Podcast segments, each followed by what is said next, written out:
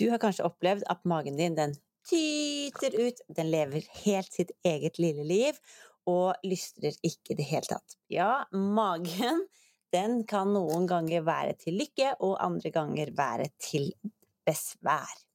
Jag ska helt ärligt innrømme att magen min den levde sitt eget lilla liv efter att jag fick barn. Det har sina orsaker till det, och eh, vad du ska göra med det, och litt hur jag och en kjær kollega, Katarina, tänker om det att ta fatt på magen och vad vi bör göra. Det är det denne episoden handlar om. För magen din, den har kommit för att bli, och är det en ting som är sikkert, så är det att du blir ikke kvitt den, oavsett hur mycket du börjar å negligera den.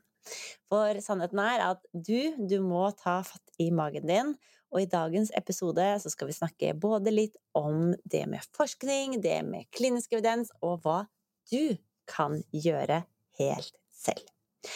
God lytt, kos deg, bli inspirert til å ta fatt på deg og ta vare på deg. Det fins kun én av deg.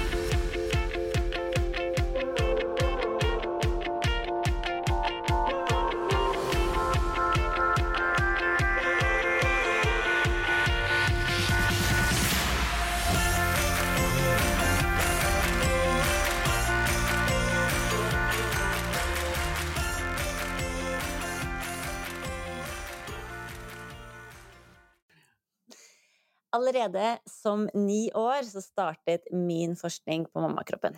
Da ble mamma ekstremt dårlig, og hun fikk så bekkenløsning at eh, vi hadde plastikkpose i bilen, og hun var fastlåst til en stol. Hun kunne ikke bære barna, brødrene mine og måtte lokke de bortover gangen for å kunne skifte bleie og for å kle på de. Allerede den dagen startet mitt, min forskning på mammakroppen, og jeg bestemte meg for at dette er noe jeg skal jobbe med. Jeg unner ingen barn å oppleve det som jeg gjorde med å miste mammaen sin, og jeg unner heller ingen mammaer å oppleve det å ha en kropp som ikke fungerer. I dag så har jeg kommet langt på denne reisen, men hver eneste dag så lærer jeg noe nytt. Og heldigvis satte ikke mamma seg ned og ventet på en forskningsrapport skulle komme for hva hun skulle gjøre.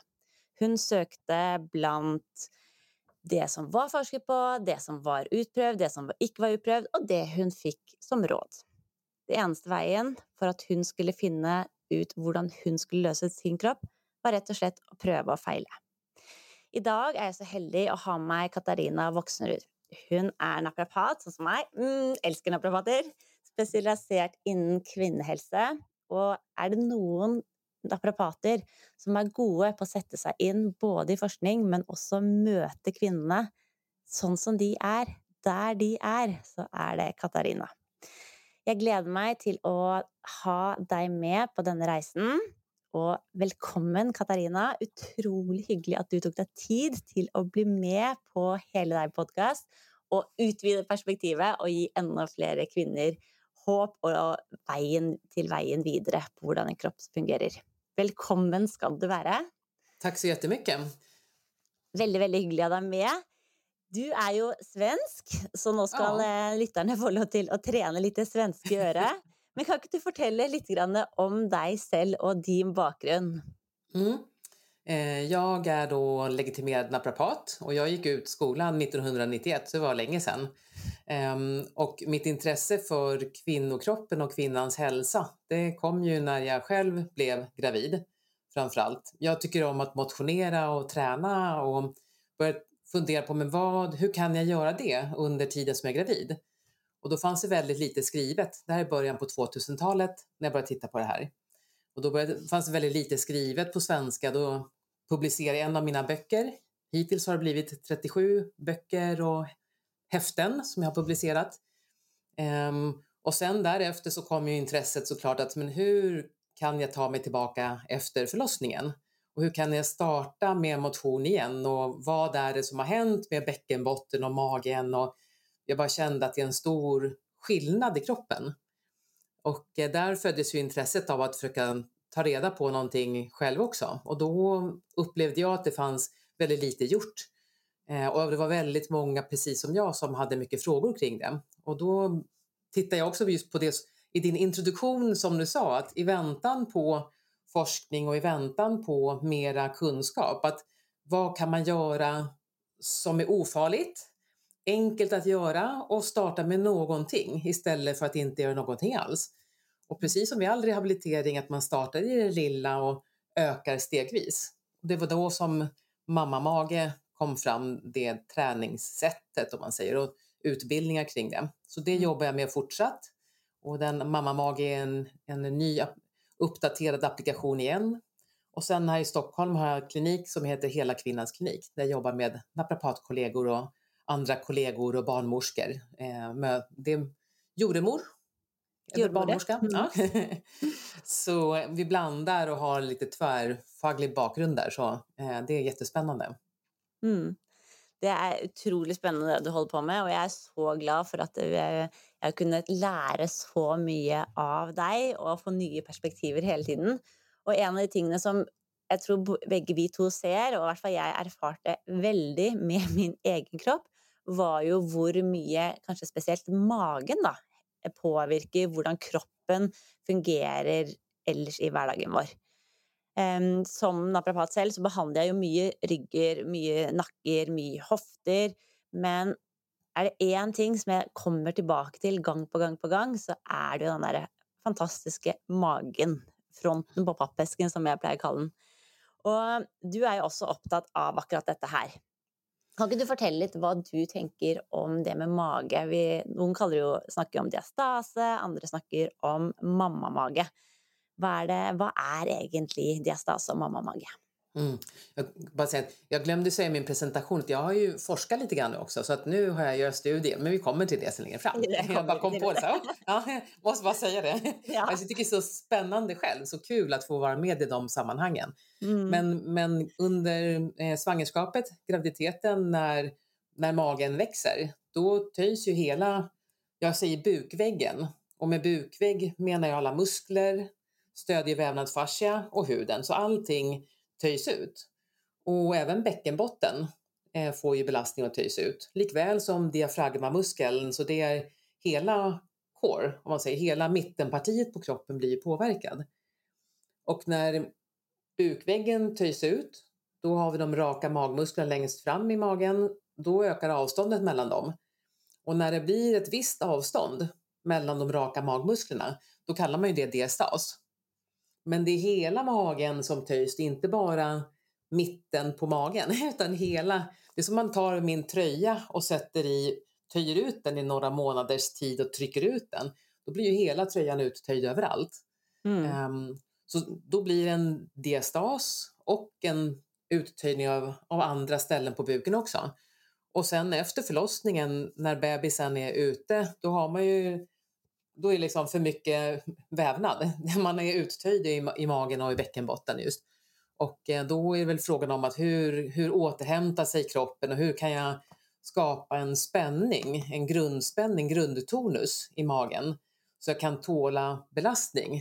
Så jag kan bära matkassarna och jag kan göra det jag vill i vardagen och komma igång med träning och motion igen. Bära syskonen om man har syskon. Så att, eh, mm. där är intresset då från min sida som jag tänker, men hur, vad är det som händer där? Hur, hur kan man se att buken, magen blir stark, core blir stark, så man kan tåla belastningen? Och då starta i det lilla lätta och öka stegvis. Mm. En ting som överraskade mig väldigt när jag fick barn var ju att då hade ju jag jobbat som naprapat i många år och jag tänkte jag kan ju kropp. Och så födde jag och så bara, nej, jag kan inte helt kropp, nej. nej. För den magen, den var ju helt død. Den funka jo ikke i det hele tatt. Nei. Mm, som du sier, den hang jo bare og slang som en sånn slapp strikk. Og det gjorde i hvert fall at jeg ble veldig sliten i ryggen, fikk veldig dårlig holdning. Jeg begynte å kjenne på tyngde i bekkenbunnen, jeg begynte å kjenne på lekkasjer. Og jeg pleier å beskrive magen nå som en elastisk eh, tøystykke. Altså som en mm. strikk. Mm. Og den, når den strikken bare henger og slenger der ute, og det mm. uansett om du er født vaginalt eller med keisersnitt, så er det jo ikke noe støtte. Altså du har jo ikke noe korsett på kroppen din som mm. gjør at du støtter organene oppe og avlaster ryggen og sånne ting.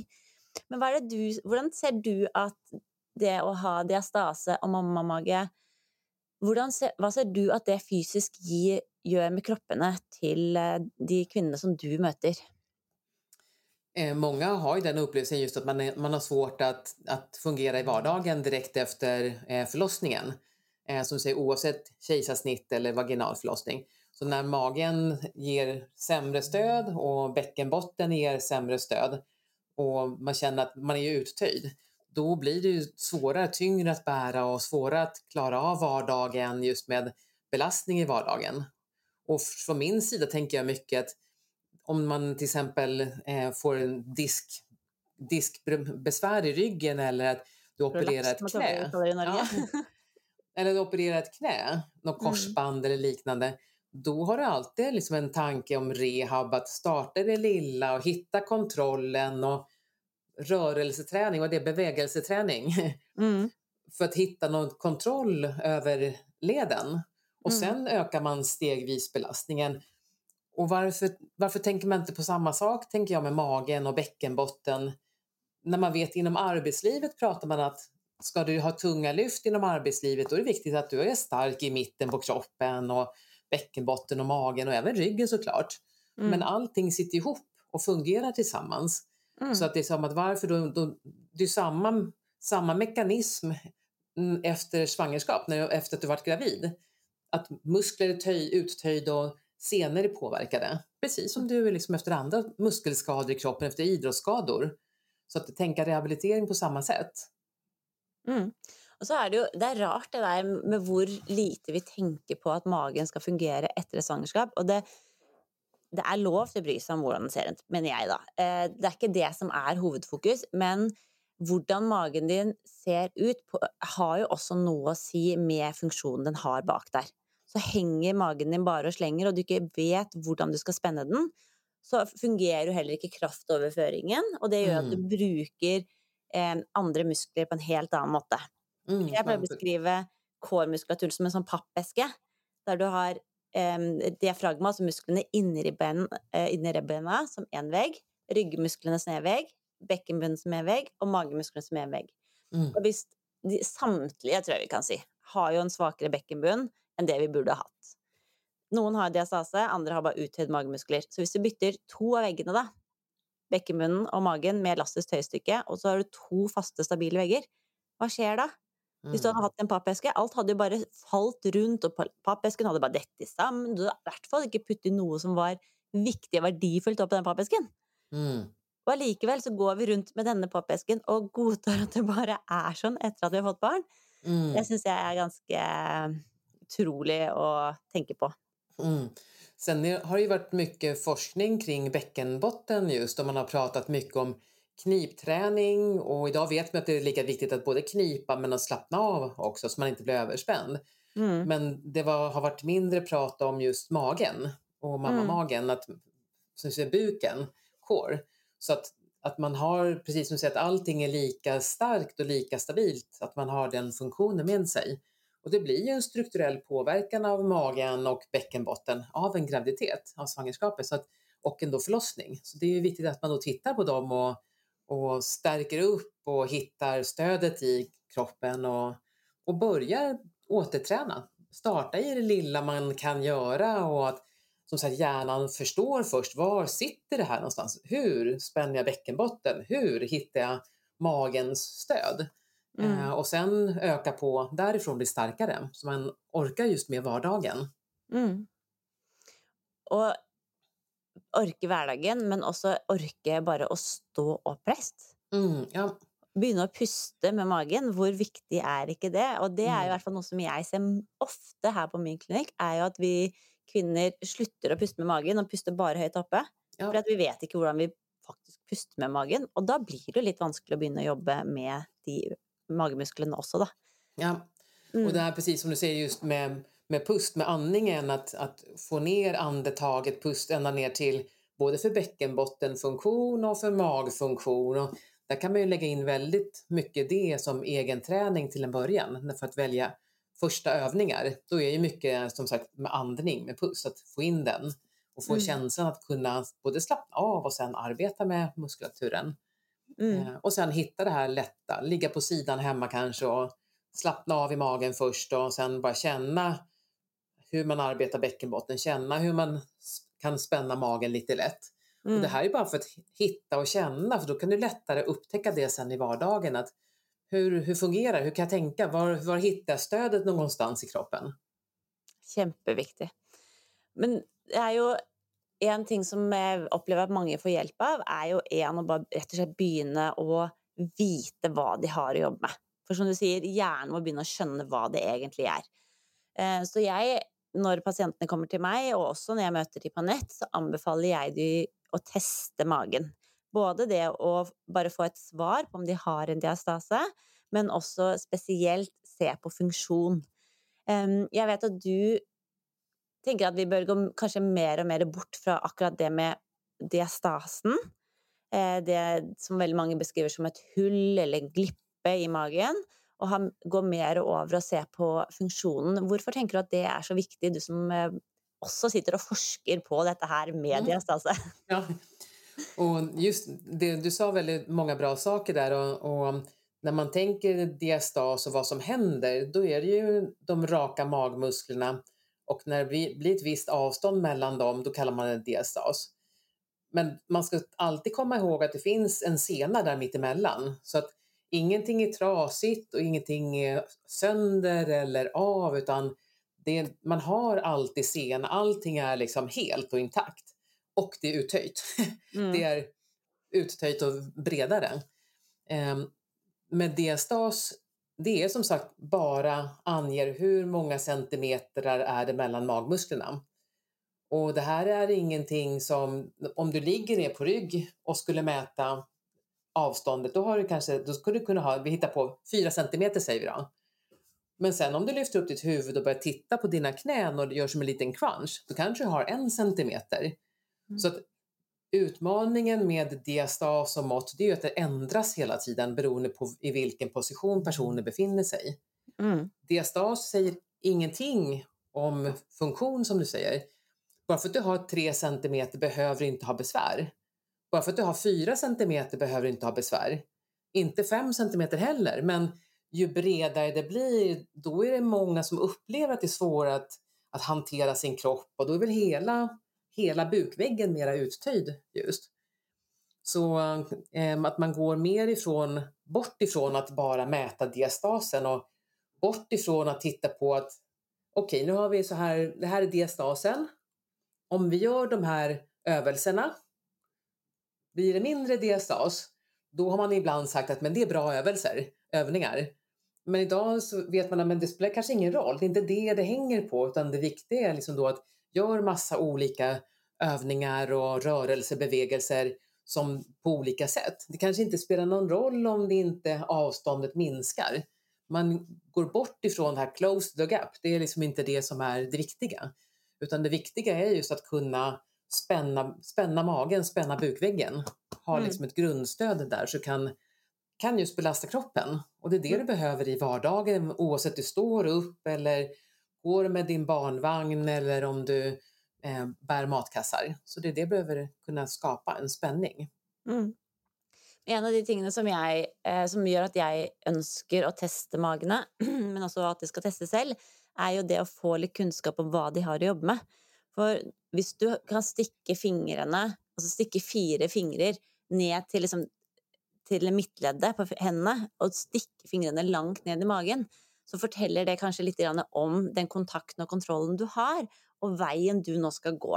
Samtidig så opplever jeg også at mange får, en sånn, får mer aksept, og de gjerne har mer lyst til å begynne å jobbe med musklene når de skjønner hva som egentlig er der nede. For når du kjenner at jeg tar på magen min, jeg kjenner tarmene mine under der, det er skikkelig ekkelt, så får du ikke akkurat lyst til bare Yeah, nå skal jeg bruke disse musklene enda mer! Mm. Men når du vet at ok, dette er en diastase, det er derfor jeg kjenner så mye ned, da er det viktig for meg å få opp gulvet, som å si det. Få opp gulvet så du får noe som beskytter tarmene dine. Da opplever jeg at flere syns det er lettere å begynne med å gjøre øvelsene. Fordi at hjernen bare Å ja! Er det derfor? Mm. Litt som at hvis du har et sår på kneet, hvis du vet at du har et sår på kneet, og det er sydd sammen, ja, men det er ikke noe farlig. Ikke Exakt, ja. det, det, det går bra. Och jag tror att det är bra, precis som du säger. Jag, på min klinik kommer många kvinnor också och vill mäta sin diastas och se hur ser magen ut? Hur, hur ser det ut nu efter mitt med barn? Och vi mäter, jag mäter bredden också, och, men då skriver jag ner så här, men avståndet mellan magmusklerna är det här. För att jag, jag kallar inte diastas, utan, men avståndet är så här. Och sen går vi vidare och tittar på hur kan du arbeta? Och du beskriver på golvet och jag beskriver på ett annat sätt. Då, men att det handlar om att just få att kunna arbeta med allting och se i stående position, hur kan du hantera det här då? Så jag tror det är bra att man vet om också att, precis som man kanske vet om att ja, jag har en skolios, mm. men du kanske inte har något besvär av det. Men att vetskapen om det är ju ändå att man vet om vad man har med sig och vad man har att jobba med. Så mm. jag tycker det är ingen mot, det är inget fel att mäta och inget fel att ta reda på, tvärsom. Eh, och sen att man ändå då vet att okej, okay, men även om jag nu har en viss bredd, det innebär inte att jag är skadad eller trasig eller nu kan jag inte göra någonting alls. Utan det innebär bara att okej, okay, det här är din status nu. Då ser vi vad vi kan göra. Hur kan du komma igång och belasta kroppen? Är det lätta magövningar, bäckenbotten, andning, pust? Är det styrketräning, lätta övningar eller cykel, motionscykling? Var ska vi starta någonstans? Mm. Är helt enig. Och så speciellt det där med att se på funktion. Eh, jeg syns det er ganske spennende å følge datteren min, fordi at veldig mange barn er jo født med en diastase. Det er derfor de gjerne har en større mage, og så får de mer og mer kontroll, og så blir den flatere og flatere. Og fortsatt på hennes mage så kan jeg liksom kjenne når hun ligger og slapper av, så kan jeg kjenne at hun har en glippe. Og så sier jeg 'kjenner du at mamma tar deg på magen?' Og da er det 'jeg har ikke sjans i det hele tatt'. Og jeg mm. ser jo at hun har full kontroll på magen i alle de posisjonene hun gjør. Men når hun slapper av, så er det jo noe helt annet. Ikke sant? Og det er jo akkurat det du også sier, at det med å ha funksjonen er det viktigste. Og funksjonen i de øvelsene du faktisk gjør.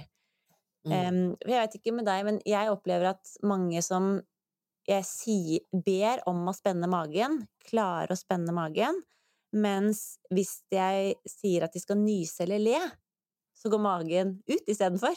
Mm. Och jag upplever även att många, när man ska säga så här, spänn magen, då kanske man fyller magen med luft och håller och krystar nästan som ja. man ska gå på toaletten och, och trycka, tömma tarmen. Men man trycker allt vad man kan och håller andan. Så, men det är inte det som, som är att skapa en lätt spänning för vardagen. Du kan inte gå omkring och hålla magen på det sättet en hel dag. Alltså, då blir man helt utmattad. Det är inte det, då får du för högt tryck som man inte klarar av kanske heller.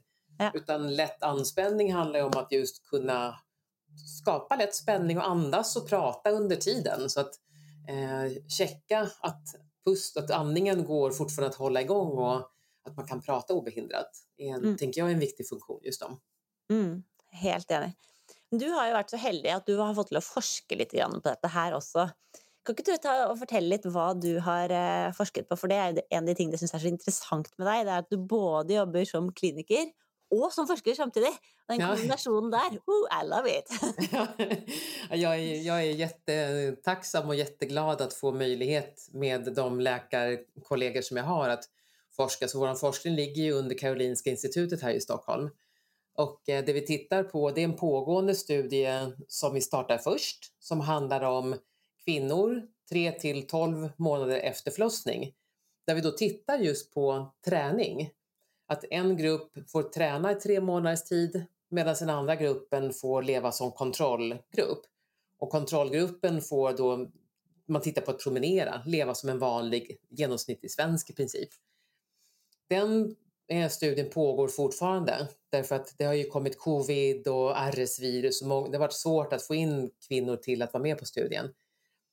Men när vi börjar titta på den så mäter vi dels till exempel diastasen, men då mäter vi även linea semilionaris, heter den, den andra senor som finns i magen där man också typ kan få en uttöjning, en diastas.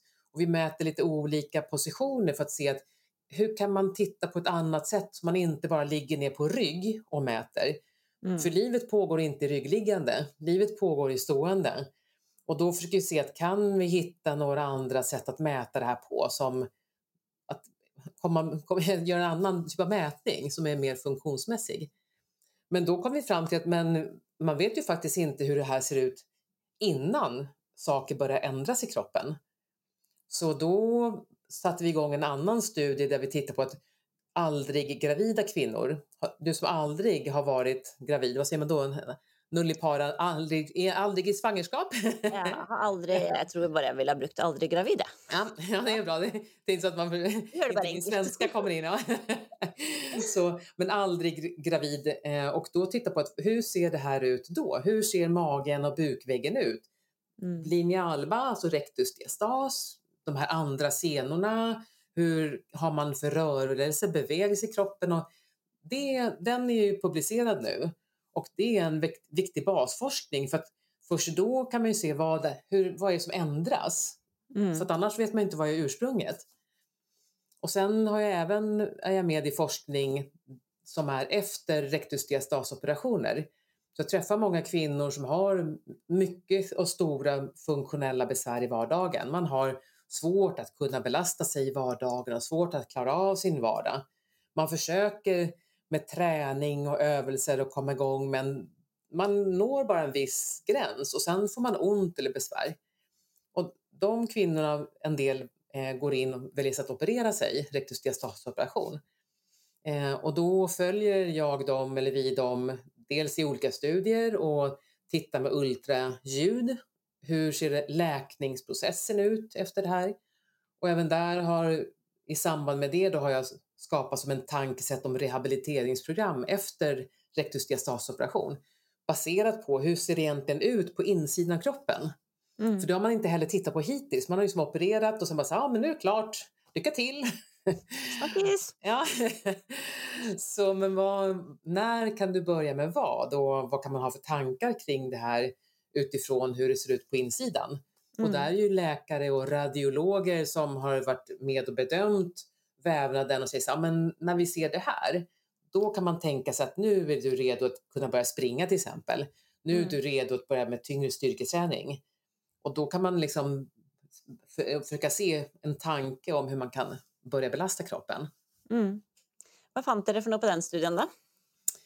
Eh, det vi fann där var ju bland annat, och vi, vi har ju en rad olika enkäter som alla fyller i. Det är till exempel hur du rör dig i vardagen och vad du har för ryggsmärta, vad du har för eh, läckage, urinläckage eller annat. Eh, och många andra sådana ting.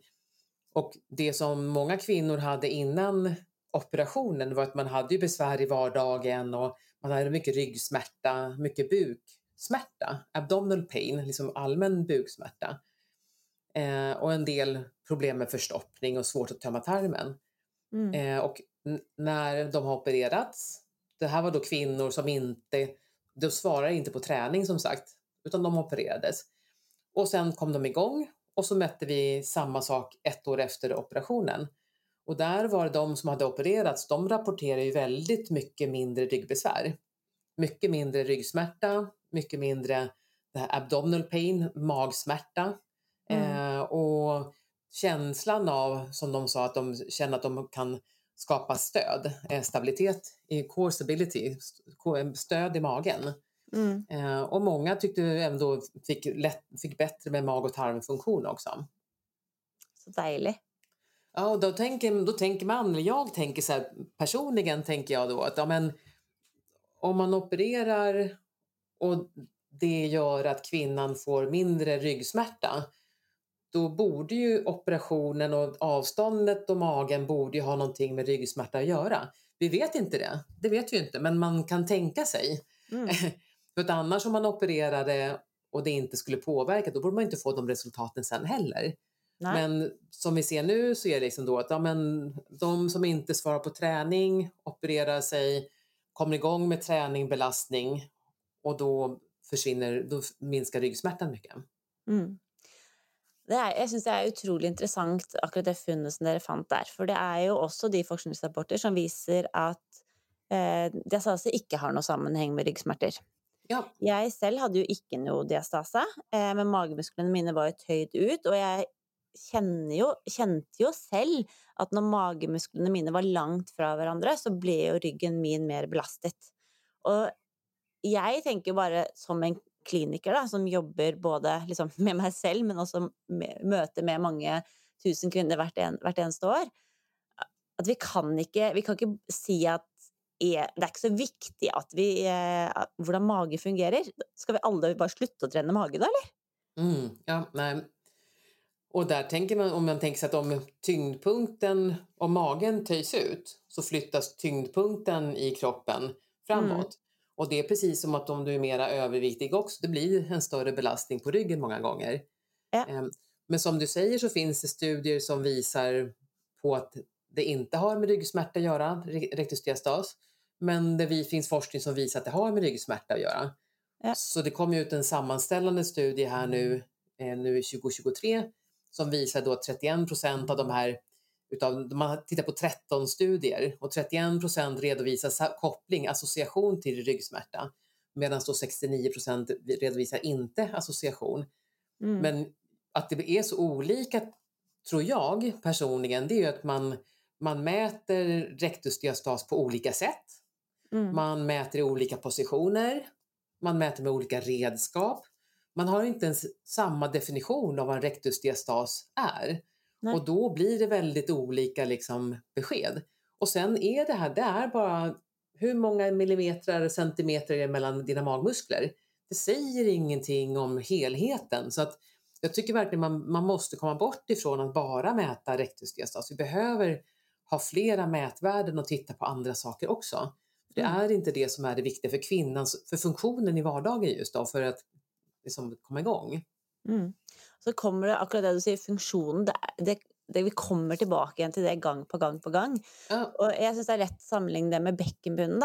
Att du har kanske kontroll på bäckenbunnen när du ligger stilla. Men när du eh, måtte löpa till bussen och du egentligen var lite tissetrengt, då klarade du det inte, ikke sant? for da har du lagt på vanskelighetsgraden, du har lagt på det du ska göra med kroppen samtidigt. Ja. Och då kollapsade det. Och där mm. tänker jag i alla fall, från mitt synpunkt, då, att kanske också ryggsmärtorna och diastasen hänger samman. Att någon gör kanske inte så mycket, sitter bara stilla på en kontorpult, medan de som är hemma och bär barn, de som eh, håller på mycket i hagen, de som har större belastning, som tränger mer stöd och stabilitet, de får också kanske mer problem för att skillnaden blir så stor. Då. Mm. Det kan vara, och där vet man ju så, det som är är precis att det är så individuellt. Mm. Och där är ju det som är utmaningen till med forskning, att hur kan man titta och koppla ihop och se och, och mm. eh, men, men den evidensen som finns idag, då är det väldigt olika. Vissa mm. studier säger tydligt att det är kopplat till, associerat till ryggsmärta. Andra säger att det inte är det. Mm. Um, och sen är att man tror att man mäter på olika sätt. Och det här med rektusdiastas, det är ju jättespännande för att hittills har man ju sagt att rektusdiastas, det är om du har 3 centimeter eller mer. Nu är det lite så tekniskt, men ändå. Mm. Men det här håller på att ändras, så det kommer nog att bli 2 centimeter eller mer. Mm. Så måttet kommer att snävas till. För att innan svangerskap, då, ligger de, då har de flesta mindre än 2 centimeter mellan magmusklerna. Mm. Eh, och då, liksom, det här gör ju att det blir liksom en, en annan igen. Hur, hur ska man mäta? Vem ska mäta? Var? Och, alltså man, har någon, man har inte bestämt ens vad som gäller och då blir det också väldigt svårt att jämföra olika studier för alla gör på olika sätt. Liksom så. Mm. Och alla kvinnor gör på olika sätt också. Ja, Alle sammen bruker kroppen, bruker kroppen sin på olika måter. Ja. Um, og tilbake igjen til det som du sa, at uh, de som har operert eh, diastasen, har gjort, en opptre, uh, gjort trening først, og også fått rehabilitering etterpå. Fordi jeg personlig tenker jo at en operasjon kanskje ikke er nok, uh, men at vi må også gjøre treningen. Men det kan være vanskeligere treningen dersom du avstanden är alltför stor. Mm. Och den där kombinationen där också med att både få de riktiga övningarna som faktiskt passar till den ena kvinnan som är föran dig, men också att den personen som är föran dig förstår hur man ska göra övningarna, får gjort övningarna. Det är ju inte att sticka in under en stol att, i alla fall jag tänker att 95 procent sitter faktiskt i huvudet på motivation, Exakt. inspiration, det att få gjort, det att förstå, det att ställa ett nytt spörsmål. Det är liksom inte bara en övelse. Mm. Och där precis att det sitter i, i huvudet, även då att mycket eh, rädsla för bevegelse, rö, rörelserädsla. Ja. Eh, att det är en viktig ting att ta med och det är mycket, framförallt efter operation i alla fall upplever jag, att hjärnan vet, idag vet ju liksom smärta är ju någonting som hjärnan skapar. Mm. Det är ju mm. hjärnan, en rädd hjärna skapar mycket smärta. En person som stressar mycket, mycket stress och press, kanske sover dåligt, vilket mm. man gör under småbarnsår många gånger. Aldrig upplevt. Eller nej, nej. Jag sover som en prinsessa hela tiden. Ja. nej, men om du har dålig sömn och stress och press och kanske oro, om det är ekonomisk oro eller rädsla för tänk om inte jag kommer att kunna arbeta igen för jag har så ont, tänk om jag inte kommer att kunna träna eller bära mina barn igen för jag har så ont. Allt det gör att hjärnan blir rädd och då blir det som att du blir mer smärtkänslig också. Mm. Du känner smärta mera. Mm. Det är inte att man hittar på på något vis, men att då hitta enkla övelser som man känner bara så ah, jag förstår, här kan skapa stöd i magen och bäckenbotten. Här kan starta med lätt bevegelse utan att få mera ont. Det blir inte mm. värre i alla fall. Det är att liksom stärka också, att våga belasta kroppen mera. Och då kommer man in och kanske vågar komma tillbaka också. Så att jag tror jättemycket den här lätta rehabträningen, det är lika mycket att träna hjärnan. Det är kanske mera hjärna än vad det är som är fysiskt ute i kroppen. Att mm. bara liksom få lugn och ro och kunna starta på olika sätt. Mm. Och det tänker jag väldigt mycket efter operationen också med rehabilitering. Att, att få den här hjälpen att var startar någonstans då? Hur kan jag komma igång? Eh, mm. Att det inte blir rörelserädd. Och så är det ju som du säger att hjärnan blir ju rädd för smärtan men hjärnan är också rädd för det den inte vet vad är. Exakt. Och kroppen är ju helt fantastisk. Den prövar att kompensera så länge den bara kan för att du inte ska ha ont. Eh, det är därför du eh, plötsligt har fått ett skickligt gnagsår på hälen och kroppen har inte sagt ifrån det i starten för att den prövar ju att inte berätta dig om det. Och den kompenseringen upplever i alla fall jag att väldigt många börjar med. Att när vi böjer oss framöver så magen inte stöttar, okej, okay, då träcker jag halen mellan benen och prövar att krumma ryggen så kanske det kan hjälpa. Och då måste vi också träna oss av de, eh, eh, vad heter det för något, den kompenseringen. Så det handlar mm. inte bara om att få magemusklerna på, men vi måste också lära oss att koordinera hela kroppen på nytt igen och bruka kroppen. Som teknikträning, precis. Teknikträning, ja. Mm. ja och den, det brukar jag prata om, tänker, tänker jag mycket också med att det är som teknikträna magen och teknikträna kroppen. Och precis som du vill när du ska lära dig åka skidor, stå på, på skidor, du måste lära dig tekniktränar. Du mm. tekniktränar om du ska cykla mountainbike downhill. Då behöver du teknikträna också för att förstå allting. Och mm. på samma sätt i vardagen kan man ibland behöva teknikträning för för magen och bäckenbotten och andningen och rörelse, bevegelse som du säger just. Så det är precis samma sätt, bara att vi har, man har inte tänkt på det på, samma, på det sättet. Nej. Alltså, jag är, missförstå mig rätt, jag är väldigt för forskning men samtidigt så tänker jag att det är lite vanskligt att forska, i alla fall på sånt som utifrån det, hur jag jobbar. Fordi at jeg er veldig helhetlig när jag jobbar. Jag jobbar både med hur vi tänker mentalt, men också att hela kroppen hänger samman att hånden och foten hänger samman och att vi är nöjda att koordinera ting. Och jag vet inte hur du ser på det, men vad tänker du är skillnaden på det med klinisk evidens och forskning när det kommer till liksom det att kunna forska kontra det att jobba klin med som klinisk evidens och det vi ser i vardagen vår? Eh, jag, jag, tänker att allt, det hänger ju precis samman som du säger och, och eh, kliniskt jobbar mycket med evidensbaserad praktik. Mm. Och det är ju den bästa tillgängliga forskningen. Vad din erfarenhet och nätverk och kunskap och kliniska resonemang innebär, mm. vad du har med dig. Och sen vad kvinnan, patienten, vill själv. Så alla de tre ska ju väga lika tungt. Mm. Sen forskning, det är ju som du säger, det är ju väldigt fyrkantigt och rut. Man, liksom, man tittar på vissa saker och och de, det man inte tittar på, det ser man ju inte heller. Så att det är ju bara vissa saker som kommer fram i forskning. Forskning är ju också att man tittar i, som i backspegeln, på bilens backspegel, man tittar ju bakåt i tiden. Mm. Så att mm. när vi till exempel börjar med någon forskning, den som redovisas nu 2023, för oss var det väldigt, vi jobbade väldigt snabbt, så vi började med det här 2020 eller 2019, 2020.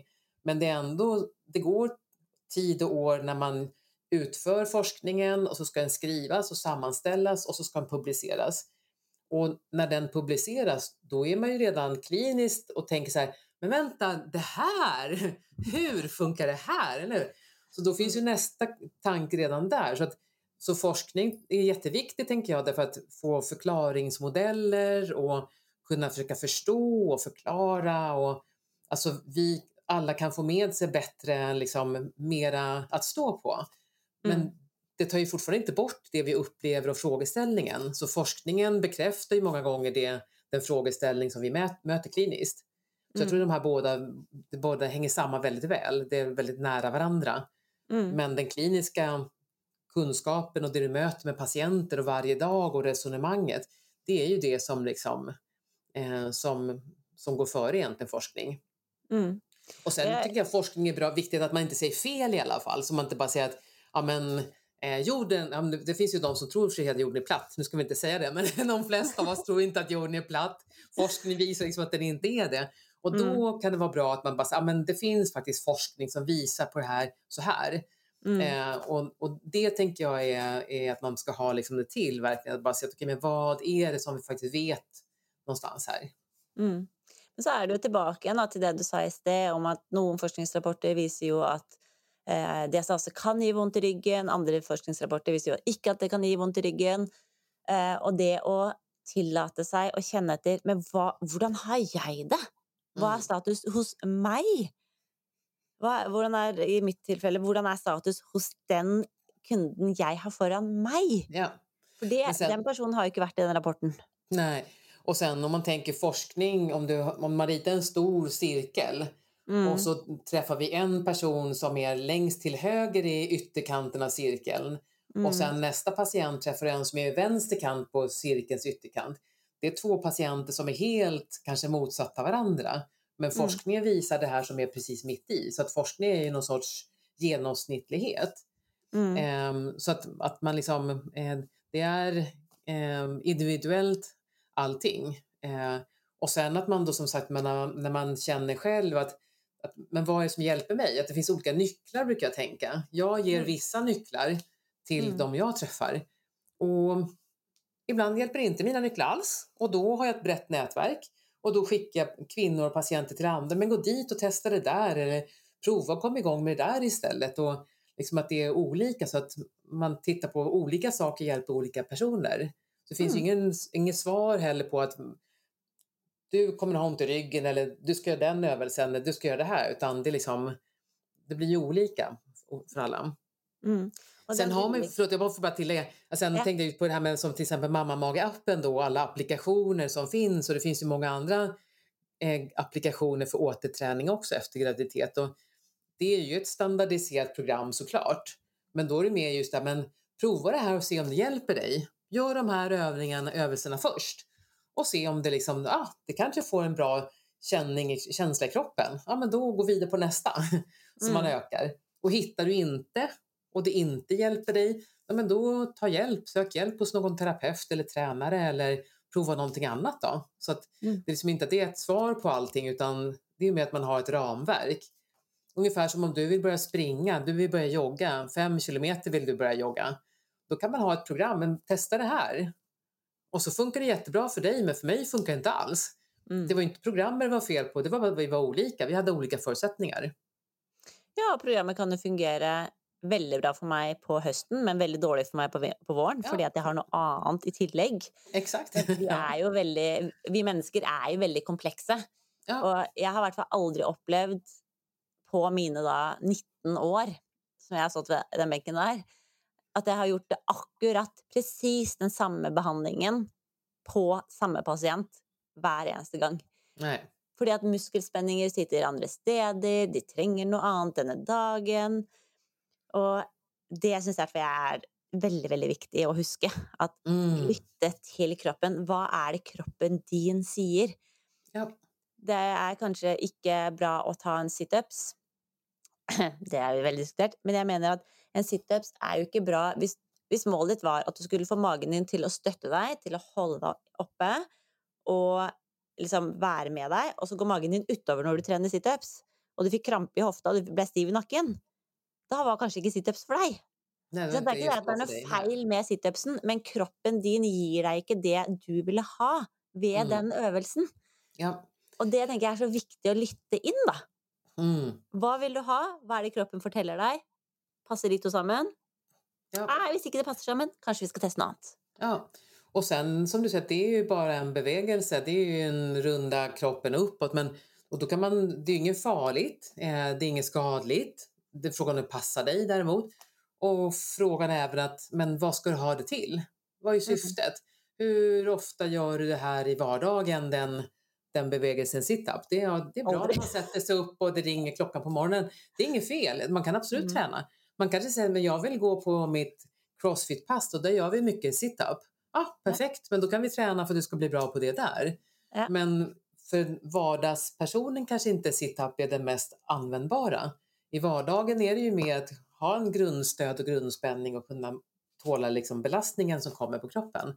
Att kunna hålla ryggen och magen i en neutral position när Mm. man bär saker och ting. Och då kanske man tränar även de övningarna så att man blir bra på det. Så att man ser både och. Mm. Og så kan man jo diskutere litt om situps skadelig, fordi at det er jo ikke skadelig på magen. Men det er jo ikke bra å få kink i ryggen. Det er, ikke, det er, altså det er på en måte så skader du i anførselstegn nakken din når du kjenner at du får hodepine. Ikke sant? Det er jo ikke noe som kroppen din vil ha, så hva, er vi, hva legger vi i ordet skadelig, er jo også sånn litt, Mm. litt spennende å kanskje ikke være så bastant da, på at det em, hva legger vi i skadelig? Ja, det er ikke noe som Mm. rives fra hverandre, men det at du får veldig mye kramper i muskulatur, er kanskje ikke heller det du ville ha. Nej, det kan väl inte det vill ha. Nej. Och sen är det andra som kan göra jättebra.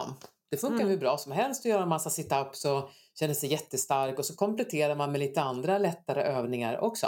Mm. Eh, och någon tycker det är jättebra med, med magplankan och har bra kontroll och bra teknik och kan det här med pust under tiden och om man vill träna inför att kunna lyfta kartonger och göra marklyft till exempel, då kan plankan vara jättebra sak att göra.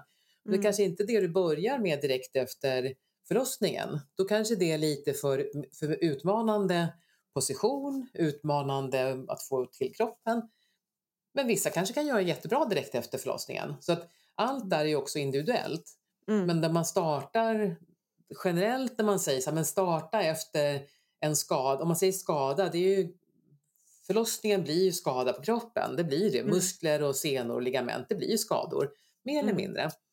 Och då brukar man ju tänka här, men starta lätt och hitta kontrollen först. Eh, hitta känslan av arbete i kroppen och sen ökar du stegvis. Och Mm. då tänker jag att för mig så faller jag in på samma tanke då med efter förlossning och graviditet. Men starta lätt, hitta känslan och, liksom så här, och sen öka på. Så att, det är inget fel som jag tänker med olika övningar, övelser, men så det är som du säger, vad ska man ha dem till och för vem är det? Får du ont Mm. någon annanstans och kramp i vaden av någon annan övelse, men, ja, men då gör inte den just nu då, men fundera på varför får du kramp i vaden då? varför Mm. får du kramp i nacken då? Vad är det som gör det? Mm. Jeg har jo kanskje et sånn, litt sånn rart treningsmål, men i motsetning til deg, da, som er veldig glad i løpe, så hadde jeg et treningsmål om å løpe maraton i New York. Ja. starta aldri å løpe engang. For det syntes ikke jeg var noe gøy. Men da fant jeg ut at eh, jeg, jeg må jo lage et mål som passer til meg. Til det som er hva jeg ønsker, og hva jeg liker. Er det to ting jeg liker, så er det å holde på i hagen og sjaue og bære tungt og liksom drasse med meg masse tunge ting. Og så er det å være mamma. Og jeg syns nærhet er kjempeviktig. Så Mm. for mange år siden så satte jeg meg et mål om at jeg skal kunne bære barna mine så lenge jeg vil, så ofte jeg vil, uten at kroppen min skal sette en stopper for meg. Og nå testa jeg jeg, aldri, jeg tar ikke situps, jeg tar ikke planken, men jeg testa her for et par uker siden. Jeg kan fortsatt bære ti- og tolvåringen min samtidig opp trappa. Da Ja. tenker jeg da er jeg sterk nok. Ja, just det. Ja, ja, jättebra. Och det gäller precis som du säger att hitta nå- något mål som, som är utmanande och som man tycker liksom är, känns bra. Mm.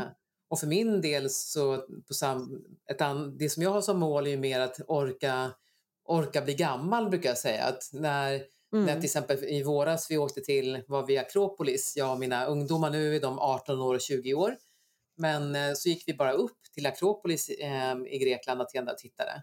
Och många, jag är 55 år idag och det är som, jag känner mig inte så här, jag känner mig i ganska bra form fortfarande, men många, många som var yngre än mig, som, man, man orkar inte ens gå upp till Akropolis. Man Nej. måste stanna på vägen och flåsa och benen är helt trötta. jag säger inte, det är ingen värdering av den livsstilen. Men för mig är det en viktig sak att bara känna att jag vill vara stark och kunna vara rörlig och liksom uppleva saker med mina ungdomar och liksom bara uppleva saker själv hela livet.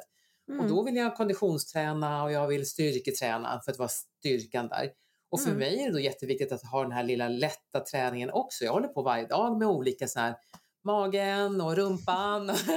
ja, men det är ju fler år som jag har möjlighet att använda min kropp.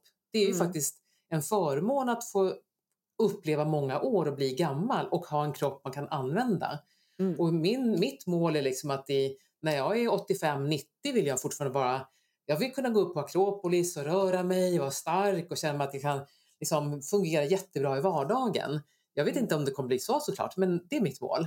Mm. Och då behöver jag göra massa saker för att orka hålla ihop kroppen och, och skador som jag har med mig sedan tidigare. Mm. Så nu kommer vi in på lite en annan aspekt av hela, men, men där är på samma sätt där med både lättare magövningar och tuffare magövningar och ryggen och skulderna och rumpan och benen. Allt hänger liksom samman så att när det blir en strukturell skada någonstans som svangerskapet och förlossningen, det är magen och bäckenbotten. Det är mycket som händer där. Då kan mm. man behöva ge lite extra kärlek brukar jag säga till det området. Så man har lite extra kärlek och tar hand om och stärker och hittar och får in det i hela laget i kroppen sen igen. För mm. då har du liksom en kropp som tål belastning. Mm. Och det är för mig det som jag tittar på. Og bare sånn, eh, apropos det du sa om Akropolis. Bare det å kunne gå og koble høyre venstre side sammen mm. via magen og liksom finne støtten der, så ikke du bare henger i hoftene, at du ikke får vondt i knærne for at du liksom faller ned på knærne, men at du klarer å holde oppe, ja. det er så viktig. Ja, ja. Og det, det er uansett om du har en diastase, så kan du jo fortsatt ha den koblingen det å ja. koble hele kroppen sammen eh, mm. eh, gjennom hele hverdagen din. Så når du Hvilken øvelse, hvis du skulle gitt liksom en øvelse for å forebygge det å ha en mammamage og en diastase. For det er jo ikke til å stikke under en stol at det her er jo faktisk noe som i hvert fall jeg tror kommer til å komme mer i tiden framover, også på de som ikke er gravide eller har fått barn. Rett og slett for vi øker mer i vekt, vi slutter å bruke kroppen. Vi er altfor inaktive, og vi bruker akkurat den samme øvelsen hver eneste gang vi er på trening. Vi tar heisen, vi kjører bil. Vi bruker jo å koordinere kroppen vår mindre og mindre og mindre. Mm. Hva tenker du at er den beste øvelsen for at de skal bare holde kontakt med magen lengst mulig, rett og slett? Eh, ja, den övelsen som du utför. Ja. så jag tror inte det, i min värld finns det ingen som man vet, idag vet man att det finns, hittills har man inte sett att det finns någon, någon övelse som förebygger på något vis, där, utan det är den som du utför. Mm. Och det är den träning och belastning som du utför med en god teknik. Mm. Så om det är en god teknik att du till exempel varje gång du sätter dig på en stol så ångrar du dig fem gånger så gör sex stycken knäböj varje gång, fem, sex stycken squats. Mm. Men då är det jättebra. Då får du med dig bålen och rumpan och liksom benen sådär. Um, men är det en, en, annan kanske då mer har med magträning så att där har jag jättesvårt att säga faktiskt. Mm. Uh, så att mycket att uh, belasta kroppen och, och, den övningen som du utför, det är den som är viktigaste. Mm. Så att även där om det skulle vara någon som då tänker så här, men jag gillar magplankan på knä, men kör magplanka då och gör även någonting annat tänker jag. Mm. Eh, så man inte bara, precis som du sa, att man gör oftast bara en enda sak. Mm. Så titta på vad du gör idag och gör någonting annat också. Mm. Så gör du mest tunga, tuffa övelser, ja, men lägg till någon lite lättare, mer uthållig träning också. Mm. Eh, och då kan det vara det kanske för magen att ligga på sidan eller liksom, inte vet jag vad man vill göra för någonting katt och ko för ryggen och magen och allting sånt. Så att, eh, och sen är det andningsövning med, som pust. Eh, att just kunna slappna av i bäckenbotten och magen och kunna andas lugnt och djupt ända ner till magen. Det är väl kanske dagens stressade person, om man ska nu välja någon form av övelse så ska du nog ta det i sådana fall. Men annars är det liksom den du får gjord, det är den träning du får gjord, den bevegelse du får gjord. Det är det Mm. viktigaste. Mm. Rett og slett ta en liten innsjekk. Ja, Kjenne litt etter, for jeg vet at det er mange som setter seg ned på den stolen, som bare deiser ned, som ikke har noe kontakt med noe lår eller rumpe eller mage eller noen ting. Eh, og det å liksom Hva er det som egentlig skjer med kroppen min nå? Hvordan kan jeg smette treningen av magen min inn i denne hverdagen her? Mm. Eller Mm. ligga i sängen när du ligger i sängen på rygg och så kan du lyfta ett ben, rakt ben upp ifrån sängen, från madrassen och känna Mm. att ja, magen spänns och jag skjuter inte ut den och höfterna, om jag vill ha dem stilla, kan de vara stilla utan bevegelse så kan jag lyfta. Och det är också så här, ja, där var magen, just det. Mm. Så det är också ett sätt man får in det här i vardagen att kunna arbeta. Sitta Där- på, när du ska sätta dig ner i soffan kan du sitta upprätt och sen rullar du ner lite långsamt och sätter dig. Det är som en liten sit down. Så tar du upp därifrån och så är en sit up. Det är också så bara för att få en känsla för att ah, där är magen, just det. Hmm, Mm. jag förstår. Men akkurat det du sier der, det å ligge med å løfte opp benet, der er det mange som har en mage som går ut og står som en pyramidemage eller gravidmage. Mm. Og da må vi jo bare si at da har du ikke kontakt med magen. Nej, då, har man, då kompenserar man i, i min värld som jag tänker också så kompenserar man och då kan det vara en bra, kanske bra position att testa och träna då. Men vänta om jag får lite bäckenbottenarbete, om jag medvetet försöker ha den här lätta spänningen i magen och inte skjuta ut magen så den reser sig utan mer Mm. hålla rakt.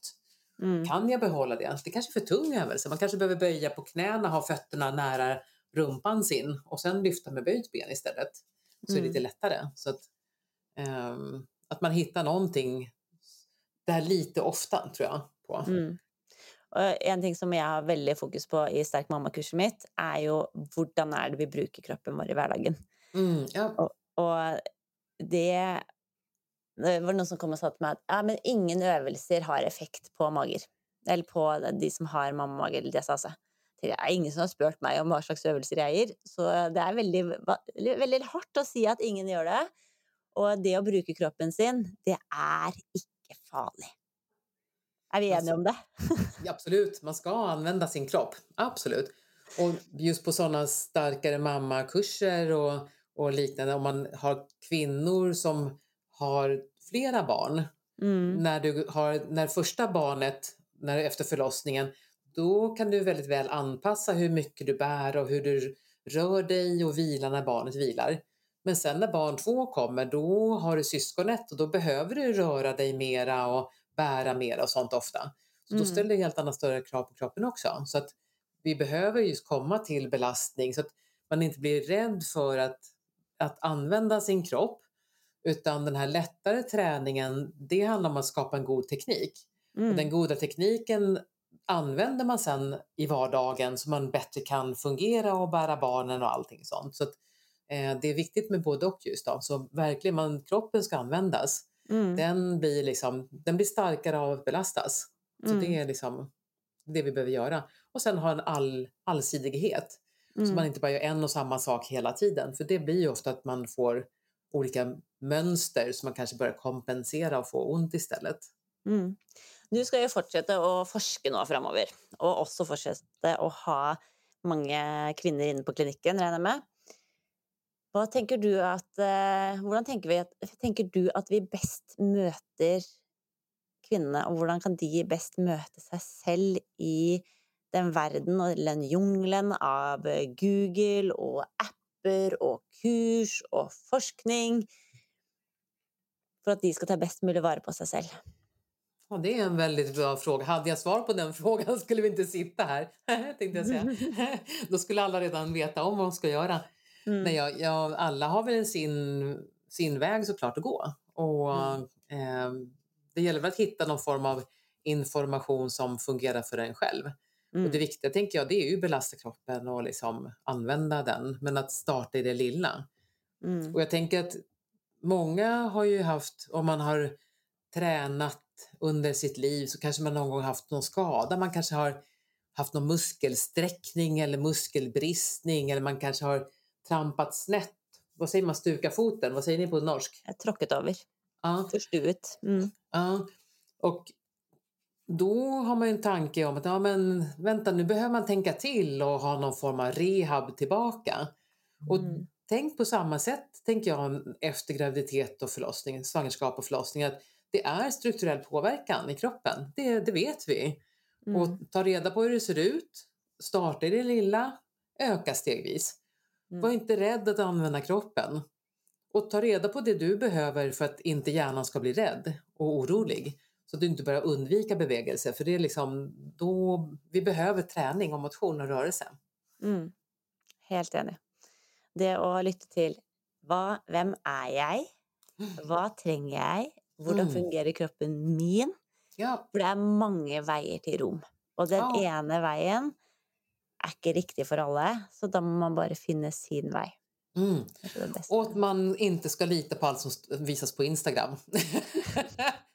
Eller sociala medier. Nu ska jag inte peka ut Instagram, men sociala medier. För att, som, bara för att någon visar att den springer, joggar fem eller tio kilometer fem veckor efter förlossning så är det inte det som är det som fungerar bäst för de flesta.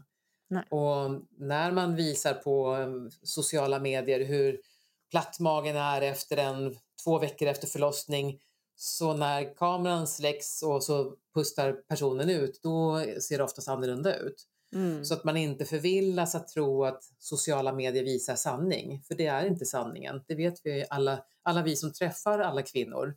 Mm. Kvinnor är liksom vi människor också. Det är, det är strukturell påverkan. Mm.